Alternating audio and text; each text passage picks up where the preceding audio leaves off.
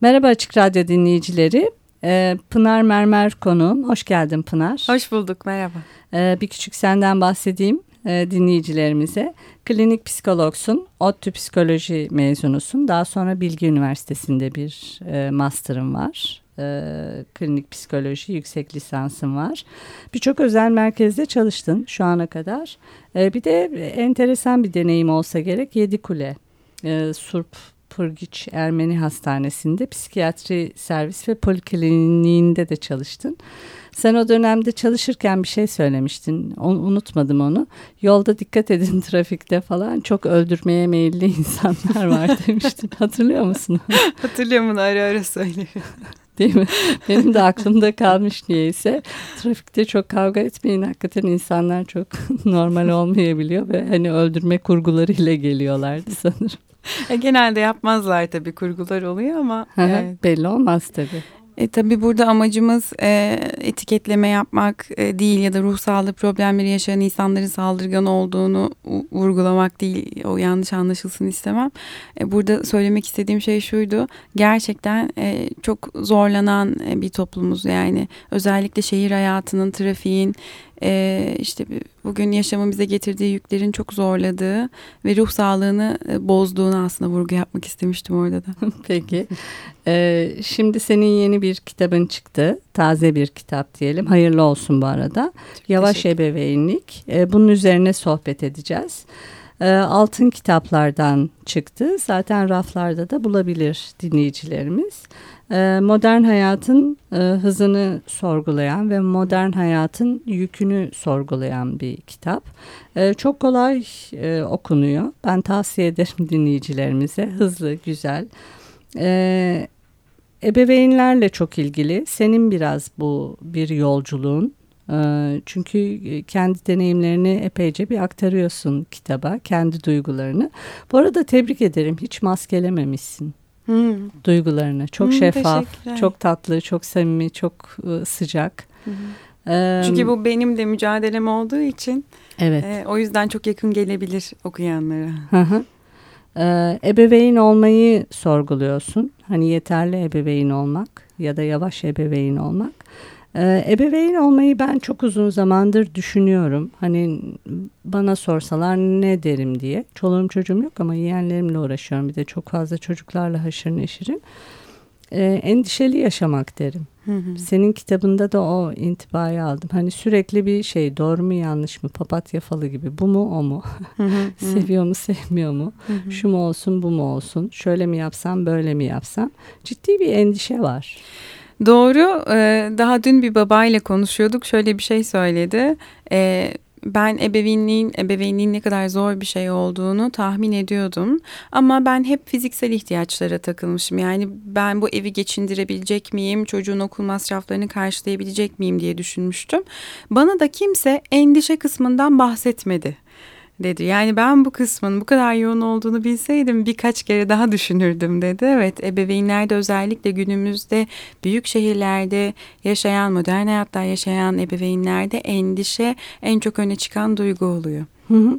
Ama bunun bir matematiği yok yani bu endişe gitmez ki. Hani hı hı. sürekli önüne başka bir şey hani eğitimini yaptın başka bir şey gelebilir veya çocuğun bünyesine uymayan bir şey yapabilirsin. Çocuk hoşlanmıyor olabilir.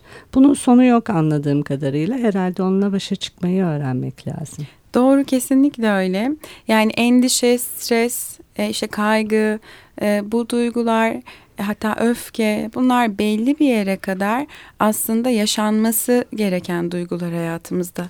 Yani biraz aslında onu da sorguluyorum. Aman hiç mutsuz olmayayım, aman çocuğum hiç mutsuz olmasın da diyoruz aslında bugün. Biraz bizim endişemize endişe katan da o aslında.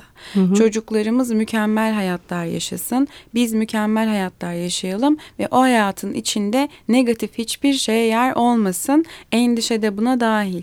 Yani baştan kabul etmek etmemiz gereken bir şey. Endişe hayatımızda olacak ama belli bir seviyeye kadar olanı sağlıklıdır ve belli bir seviyede tutmak için de bizim baş etme yöntemlerimiz olması gerekiyor. Hı hı. Ama biz bu aralar e, baş etme yöntemlerini de e, unutmuş gibiyiz aşırı kaygımız yüzünden. E, yani bu bunların normal hisleri olduğunu da unutmuş durumdayız. Çok arada sıkışıp kaldık evet. gibi. O zaman herhalde biraz da şeye dönüp bakmak lazım. çocuk tanımı ne? Yani dolayısıyla e, hani o çocukta bizim yaşayacağımız normal anormaller ne, normaller ne, e, bizim çocuk olarak gördüğümüz şey ne veya olması gereken ne, ona bakmak lazım. Çünkü ben e, biraz daha e, böyle hani köylere doğru falan gittikçe çocukların gözünde o bebeklik ifadesini görmüyorum. Daha yetişkin bakışları var. Ama şehre geldikçe biraz daha bebek e, ifadesi var. Büyümemiş çocuklar var diyebilirim. O tanımı yapıyor mu aileler acaba? Çocuk hı nedir? Hı hı hı. Bence çok doğru bir yerden e, giriş oldu bu. E, çünkü e, bu aralar hem kendimizden hem de çocuklarımızdan beklentilerimiz çok yüksek. Yani bir taraftan çocukların alamayacağı yükleri e, onlara yüklüyorken işte sınav sistemi durmadan işte o piyanodan bu ata o kursa bu kursa götürerek bir taraftan da çocukların aslında alması gereken sorumlulukları, onları duygusal olarak olgunlaştıracak sağlıklı yükleri vermekten çekiniyoruz. Hı hı. Sonuç olarak senin dediğin gibi e, olgunlaşamamış, duygusal olarak olgunlaşamamış immatür dediğimiz e, çocuklar e, ortaya çıkmaya başlıyor. Bu çocuklar bir türlü duygularını yönetemiyorlar, bir türlü zaman yönetimi yapamıyorlar, bir türlü sorumluluk almak istemiyorlar veya en çok da kitapta da bahsediyorum sebat etme becerileri e, eksik kalıyor. Bir şeylerden bir türlü memnun olamıyorlar. İşte bu özellikler kime aittir aslında? E, yeterince duygusal olarak e, olgunlaşamamış kişilere e, aittir. Ama bir taraftan da belli bir yere kadar çocukların böyle şeyler yapmasını bekleriz de belli bir noktaya kadar. Yani hı hı. belli kurslara gitmek istemeyebilir, bazen sabah kalkmak istemeyebilir, bazen çok büyük öfke patlamaları, duygu patlamaları gösterebilir. Bunlara da izin vermiyoruz. Yani yine bir sıkışmışlıktan bahsedeceğim. Bir taraftan çok yük veriyoruz, bir taraftan da alması gereken sorumlulukları vermiyoruz. E, o yüzden bir türlü olgunlaşamayan çocuklar oluyor. Yani belki sen de gözlemliyorsundur 20-25 yaşına gelip hala ergen davranışları gösteren evet. kişilerle şu an karşı karşıyayız. Bayağı var. Ee, ben bu köylere, kasabalara veya farklı yerlere çok geziye gidiyorum. Orada gördüğüm şey işte 10 yaşındaki bir çocuk kapıyı açıyor mesela. Hmm. Buyur ediyor. Annemler, babamlar evde yok ama ben sizi bir ağırlayayım diyor. Hmm. Anneniz nasıl diyor, babanız nasıl diyor. İşte çay e, ikram ediyor. Çay istemezsen ayran yapıp getiriyor. Böyle gözümü alamıyorum uzun bir müddet.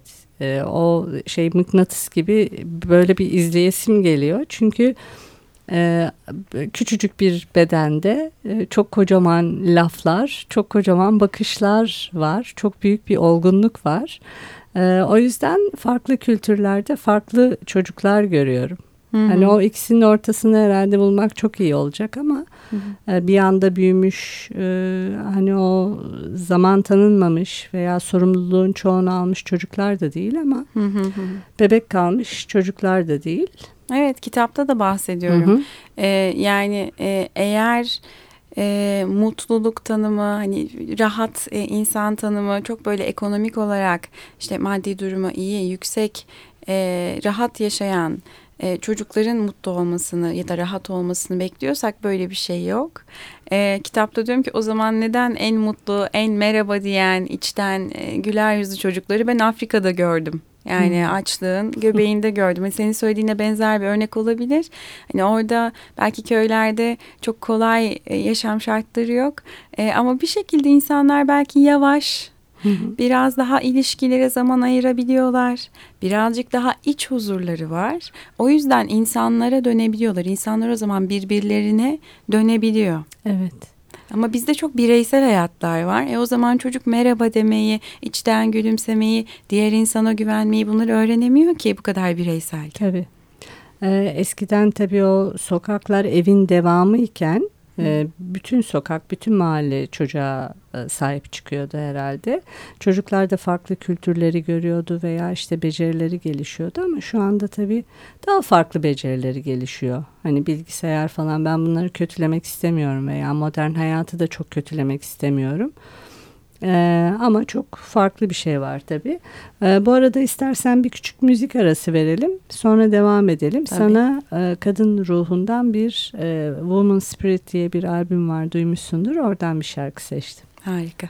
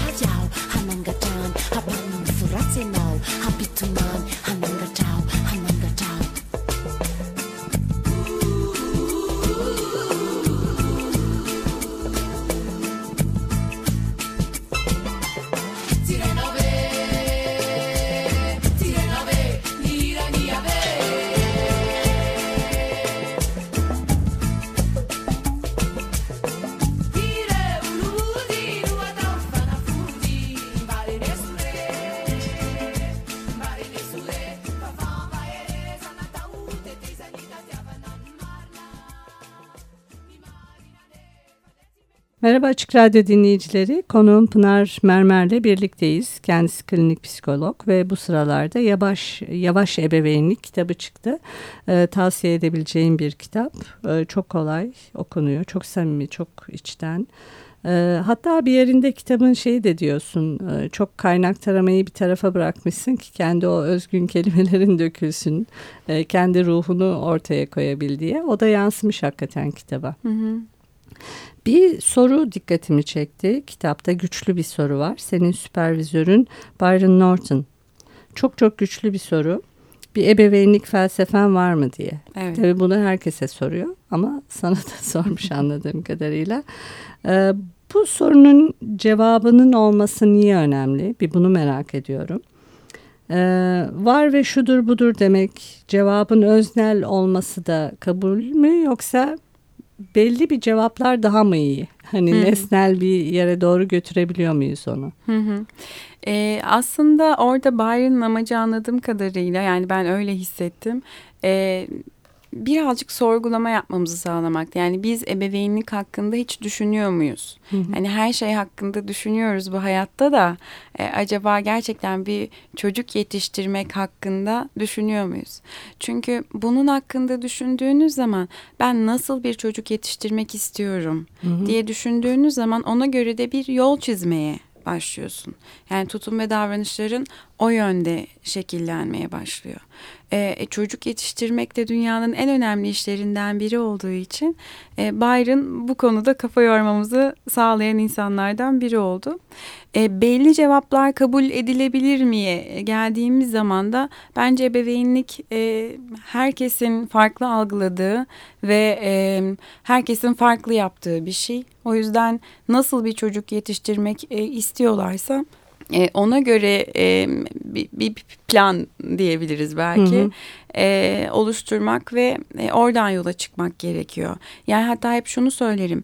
Ebeveynlik daha çocuk anne karnına düşmeden önce başlayan bir süreç. Yani ben acaba nasıl bir ebeveyn olurdum? Ben acaba nasıl çocuk yetiştirmek isterdim? Ya da işte o çocukla ilgili hayaller kurulur ya benim çocuğum olsa nasıl olur diye. İşte ebeveynlik aslında o noktada. E, başlayan bir süreç. Yani biz onunla ilgili e, gerek bilinç dışımızda gerek bilinçli halimizde bir sürü şey tutuyoruz aslında düşünüyoruz aslında.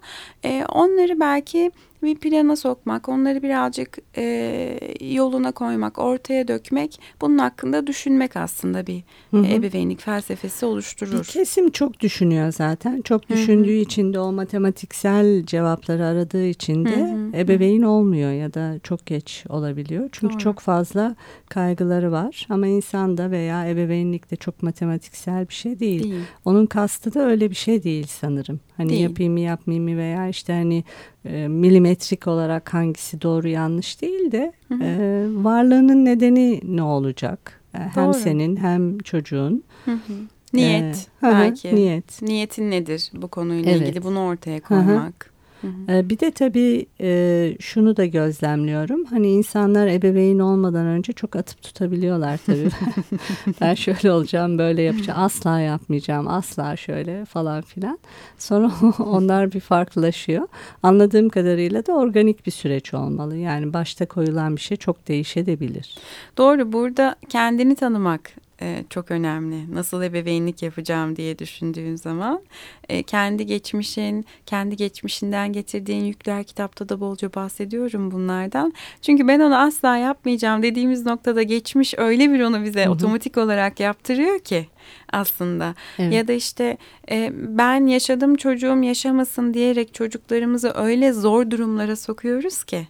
Yani mesela bizim geçmişimizden kalma yetersizlik duygularımız varsa, bizimle yeterince ilgilenilmediyse e, ya da işte kendi kapasitemizi ortaya koymamız için bize yardımcı olunmadıysa e, biz o konuda fazlaca çocukları zorlayan kişiler olabiliriz.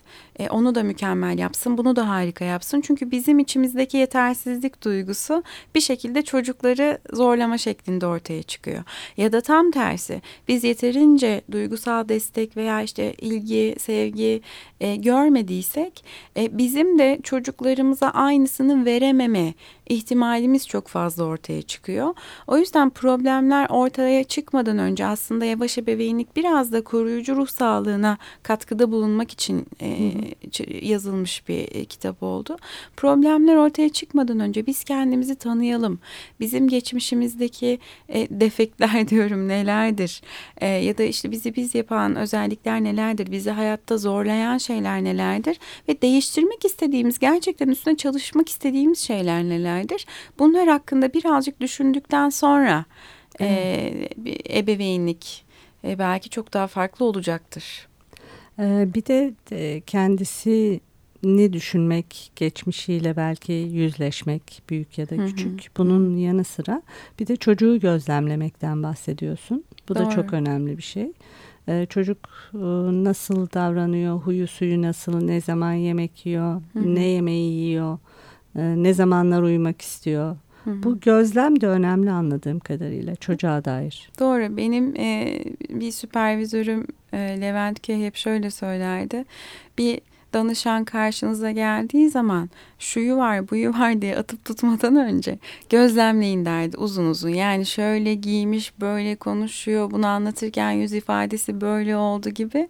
Yani o onun üzerinde o kadar vurgu yapmıştı ki ben bunu bir şekilde alıp kendi hayatıma da e, taşımaya çalıştım. Yani nedir? Bir dakika burada şu anda ne oluyor? Biz genelde süreçleri tanımlamadan önce hep bir sonuca yönelik e, davranırız. Hı hı. Değil mi? Yani hep bir e, çözüm e, bulmaya çalışırız. E, işte ya da yönetmeye çalışırız durumu, kontrol etmeye çalışırız. İşte bunu çocuklarımıza da yapıyoruz. Yani benim çocuğum benim uzantım değildir. Benim çocuğum bambaşka bir insan. Ne gibi özellikleri var? Dediğin gibi neleri sever, neleri sevmez, hangi zamanlarda yemek yemek ister? Biz bu aralar bunun üstünde çok durmuyoruz da e, onun ne zaman ne kadar yiyeceğine ben karar vermeliyim.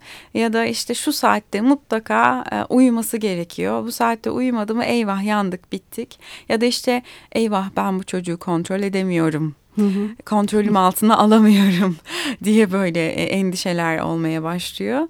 E, o yüzden diyorum ki çocuk kontrol altına alabileceğimiz, yönetebileceğimiz, kafamızdaki projelere göre şekillendireceğimiz bir şey hı hı. değil. O bir varlık. O zaten kendi kendine bir şekilde e, yaşıyor, orada var oluyor. Hani biz de bu varoluşta ona elimizden geldiğince eşlikçi e, olacağız. Tabii ki bazı konularda rehberlik edeceğiz. Çocukları hı hı. sınırsız bırakmayacağız. E, ama kontrol altına alacağımız, baskı altına alacağımız şeyler de değil. Varlıklar değil çocuklar. Değil mi? Ee, bir de kitapta dikkatimi çekti. Oyun üzerinde epey duruyorsun. Hı hı. Ee, oyuncaklar çocukları bayağı bir hayal alemine götürüyorlar. Ee, oyun çocuğun işi. Hı hı. Ee, o konuda neler önerirsin ebeveynlere? Hı hı. Şimdi yine bugünlerde çocukların o kadar bir şeyler yapmaya zamanı yok ki ee, yani ben bu aralar sürekli şunu duyuyorum. Ya Pınar abla inanıyor musun? İnanabiliyor musun? Oyun oynamaya zamanım yok. Yani şimdi bunu son zamanlarda birçok ebeveyn sürekli duyuyor ve artık bu normalize edilmiş bir şey ve şöyle cevaplar alıyorlar çocuklar anne babalarından. Ee, şimdi oyunun zamanı değil. Senin de aklın fikrin oyunda. Sen hep oyun oynamak istiyorsun. Mesela bu suçlama aslında değil Hı-hı. mi? Yani çocuğun içinden gelen aslında olması gereken verdiği normal bir oyun evet. tepkisi var ortada. Yani çocuk oyun oynar değil mi? E, bu içinden bu kadar yüksek gelen bir motivasyonu etrafta sürekli bastıran ve bunun hayır hayır hayır yanlış olduğunu söyleyen insanlar var çocuğun etrafında. E, o yüzden bu ara çok ciddi çatışmalar yaşanıyor oyun konusunda. E, zaten çocuklar bu ara e, dışarıda çok fazla oyun oynayamıyorlar e, evin içinde çok birbirlerine gelip gitmeyi de yapamıyorlar. İşte farklı semtlerde trafik, mesafe vesaire ya da işte insanlar birbirinin evine gönderecek kadar güvenmiyor artık eskisi gibi ya da bir arada yaşamıyoruz. Böyle olduğu zaman evin içinde sürekli anne babanın peşinde gezen çocuklar olmaya başlıyor. Bu çocuklar e, oyun oynamayı bilmiyorlar. Bu çocuklar tek başlarına kalmayı, kendi kendilerini idare etmeyi bilmiyorlar. E, hal böyle olunca da en iyi oyalayıcı ne oluyor? Ekran. Tabii. Ekran bağımlısı çocuklar e, olmaya başlıyor ki ekran herhangi bir oyuncaktan çok daha tehlikeli bağımlılık tarafını düşündüğümüz zaman. Ee, ebeveynler de aslında ekran bağımlısı. Bir de ben annelerde çok fazla şey görüyorum. Hani çocuğuyla ne yapacağını bilmediği zaman veya kendisine vakit ayırmak istediği zaman televizyon açtığını itiraf ediyor. Yani işte bu da annenin, yargılamıyorum. Annenin yalnızlığından kaynaklanan bir Aynen. şey işte maalesef. Hı hı. Ee, peki e, kitabında dikkatimi çeken şeylerden birisi de doğa konusuydu. Hı hı. Ee, doğa da önemli bir yerde duruyor. Çocuğa hani doğayı da kucaklamak. Çünkü o da yavaşlatan bir şey aslında insanı. Kesinlikle. Yani sakinleştiren bir şey anlamında söylüyorum. Doğru doğru. Ben zaten yavaşlamayı kitapta birçok yerde sakinleşme anlamında Hı-hı. da kullandım. Yani kalp atışlarının yavaşlaması. E, hem ruhsal hem fiziksel olarak yavaşlama anlamında da kullandım. Doğru yani doğada çocukların öğreneceği çok fazla bir e, şey var. Yani hem sakinleşme e, hem sağlık olarak iyi gelen bir şey temiz hava ya da işte orada yapılan yürüyüşler, hareket. Onun dışında şöyle bir şey de var. Eğer doğanın içinde olmazsanız rüzgarın nasıl hissettirdiğini çok bilemiyorsunuz. Yani çocuklar zaten çok fazla sokakta dolaşamıyorlar. Bugün çok evin içindeler. Yani bir tepeden aşağı doğru koşarken o rüzgar size çarpacak ki e, bedeniniz bazı şeyleri algılayabilsin. İşte burnunuzdan o hava girecek ya da işte vücudunuzda kollarınızda bacaklarınızda o rüzgarı o hızı hissedeceksiniz. Yani bu sadece ruhen bir e, doyum değil. Bu aynı zamanda çocukların fiziksel gelişimi için gerekli zorunluluk. Hı hı. Yani belli hisleri çocuk yaşamak zorunda ki büyüyebilsin. Yani doğanın içinde oyun oynamak da böyle aslında. Yani çocuk oyun oynarken el göz koordinasyonu gelişecek, ince kaba motor davranışları, hareketleri e, gelişecek. İşte topa vurmayı e, öğrenecek e, ya da işte ne bileyim ağaç dallarından bir şey yapmayı öğrenecek, yaratıcılığı gelişecek. Yani doğa aslında e, çok bizim hayatımızın ortasında e, olması gereken ama bugünlerde çok dışarıda kalmış, çok unutulmuş bir kısım. Hı hı, hı. Ee, peki programın sonuna geldik ama ben seni sonraki programlarda yine konuk etmek isterim çünkü e, bitmiyor hani bu Doğru, konular doğru. Ee, ve çok da faydalı. Ee, bu yavaş e, yavaş ebeveynliği nasıl e, algılamalıyız? Ne ifade ediyor? Nasıl yaşayabilir aileler? Hı hı.